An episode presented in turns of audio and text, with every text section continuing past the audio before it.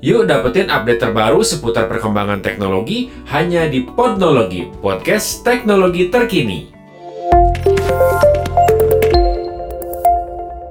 Halo listener, apa kabar Anda hari ini? Semoga dalam keadaan yang baik-baik saja ya.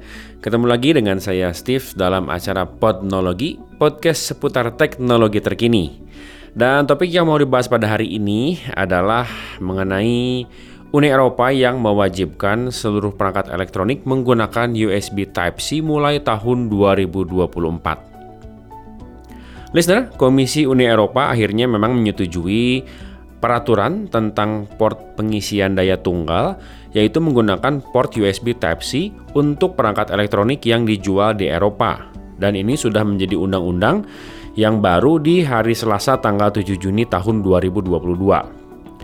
Aturan ini adalah bagian dari proposal mengenai revisi pedoman peralatan radio yang diajukan oleh Parlemen Uni Eropa sejak tanggal 23 September tahun 2021. Menurut keterangan yang terdapat di situs resmi Parlemen Eropa, aturan yang mengatur penggunaan charger USB Type-C ini dijadwalkan akan diresmikan dan diterbitkan sebagai undang-undang baru pada musim panas tahun ini atau sekitar bulan Juli sampai September tahun 2022. Undang-undang ini akan mulai berlaku efektif 24 bulan atau 2 tahun setelah diterbitkan, atau sekitar bulan Juli sampai September tahun 2024. Perangkat elektronik di Eropa yang diwajibkan menggunakan port USB Type-C mulai tahun 2024 adalah smartphone, tablet, kamera digital, kemudian earbud atau TWS True Wireless Stereo, kemudian juga e-reader, headphone dan headset, konsol game portable, speaker portable, keyboard dan juga mouse. Nah, laptop juga ternyata menjadi perangkat elektronik yang harus mengikuti peraturan ini, yaitu pengisian dayanya harus menggunakan USB Type-C.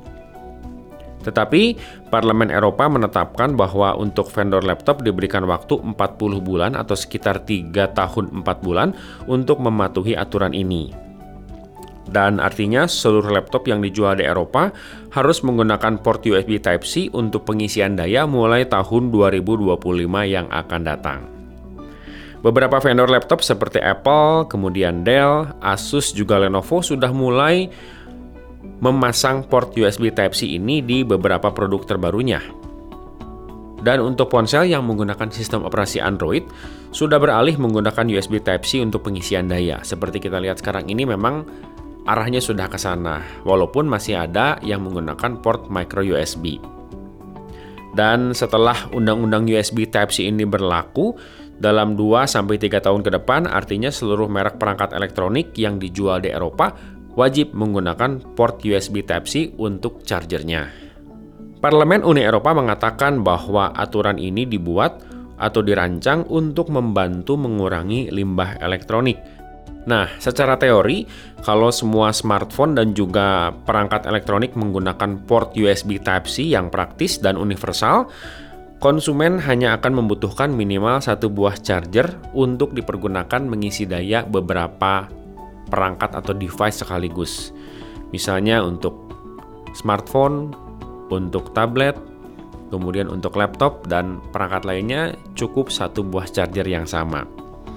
Dan kalau kita lihat dari sisi materi, aturan baru ini akan membantu konsumen di Eropa menghemat hingga 250 juta euro atau sekitar 3,8 triliun rupiah per tahunnya untuk pembelian adapter charger yang tidak perlu. Listener, tidak hanya untuk menyeragamkan lubang pengisian daya dengan USB-C ini saja, Komisi Eropa juga ternyata akan menyamakan kecepatan pengisian daya untuk perangkat yang mendukung fitur pengisian daya cepat atau fast charging. Nah, ini dampaknya bagus atau enggak ya? Soalnya selama ini kan kita lihat untuk smartphone saja ada kecepatan yang berbeda-beda di masing-masing merek karena itu menjadi salah satu hal yang mereka unggulkan. Karena memang selama ini nyatanya seperti itu. Berbagai vendor berlomba-lomba untuk mengembangkan fitur fast charging ini supaya menjadi fitur unggulan produknya. Kita ambil contoh ya. Xiaomi dengan teknologi hypercharge, dia mempunyai kecepatan sampai dengan 120 watt dan 200 watt. Nah, dengan teknologi hypercharge 200 watt misalnya ya, ponsel Xiaomi dengan baterai 4000 mAh diklaim akan dapat mengisi daya hingga penuh hanya dalam waktu 8 menit saja. Nah, brand lain juga ada. Oppo misalnya menggunakan Super VOOC, Realme dengan Ultra Dart-nya, dan masih banyak lagi istilah-istilah fast charging dari berbagai macam merek. Nah, kalau diseragamkan gimana jadinya nih? Gimana menurut listener? Apakah ini hal yang baik atau membuat persaingan di dunia smartphone menjadi kurang menarik karena semua speednya sama. Nah, kita lihat nanti bagaimana perkembangan ini apakah akan mengarah ke sana betul-betul disamakan kecepatan pengisian dayanya atau tidak. Nah, listener, ponsel yang menggunakan USB Type-C untuk pengisian dayanya rata-rata memiliki sistem operasi Android. Lalu bagaimana nasibnya dengan iPhone? Karena dia kan menggunakan sistem operasi sendiri yaitu iOS dan juga port pengisian dayanya juga buatan sendiri yaitu Lightning. Dan sampai dengan saat ini Apple boleh dibilang hanya satu-satunya vendor ponsel yang tetap bersikeras menggunakan port Lightning di produk iPhone.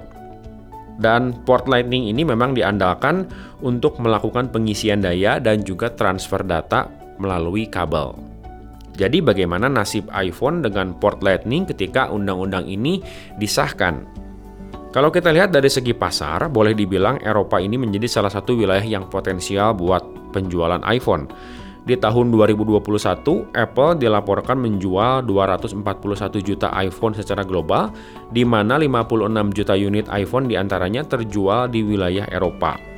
Artinya, pasar Eropa berkontribusi sekitar 23,2 persen pada penjualan iPhone. Ini adalah satu pangsa pasar yang cukup besar. Nah, bagaimana kira-kira skenario dari Apple kalau tidak ingin kehilangan pasar di Eropa? Yang pertama, Apple mau tidak mau harus rela meninggalkan port Lightning untuk menggunakan port USB Type-C. Tetapi ada skenario kedua, yaitu apabila tetap ingin memasarkan iPhone di 27 negara di Eropa, Apple bisa mempertimbangkan untuk beralih sepenuhnya ke teknologi wireless charging atau pengisian daya secara nirkabel. Mengapa demikian? Undang-undang penggunaan USB Type-C yang baru disetujui oleh Komisi Uni Eropa ini hanya mewajibkan pemakaian port USB Type-C pada ponsel yang melakukan pengisian daya melalui kabel. Jadi kalau Apple benar-benar beralih sepenuhnya ke pengisian daya secara nirkabel atau wireless, artinya port Lightning pada iPhone memang tetap harus dibuang, tetapi Apple tidak perlu menambahkan port USB Type-C. Dan tentu saja ini akan membuat iPhone akan lebih bersih tanpa lubang atau portless. Nah, saat ini sebetulnya Apple sudah membekali seri iPhone 12 dan 13 dengan teknologi wireless charging yaitu melalui MagSafe.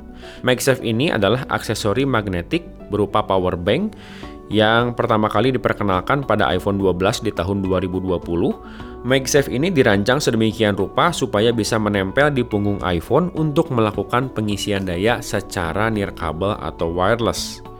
Dan ketika ingin melakukan pengisian daya secara wireless, MagSafe ini bisa langsung ditempelkan di punggung iPhone 12 ataupun juga iPhone 13.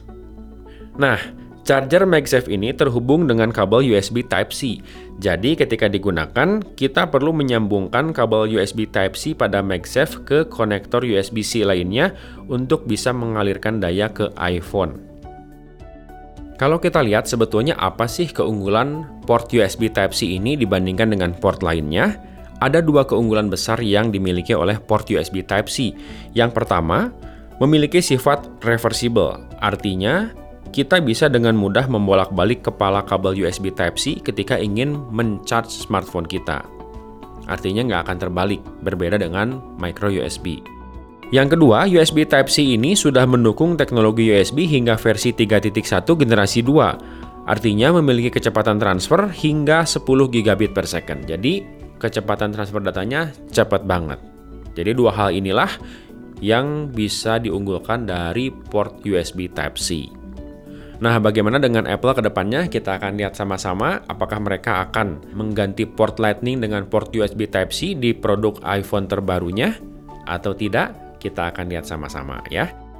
Sampai sini dulu listener, informasi yang Steve bagiin buat Anda semoga bisa bermanfaat buat Anda ya. Kita akan ketemu lagi di podcast selanjutnya. Sampai jumpa.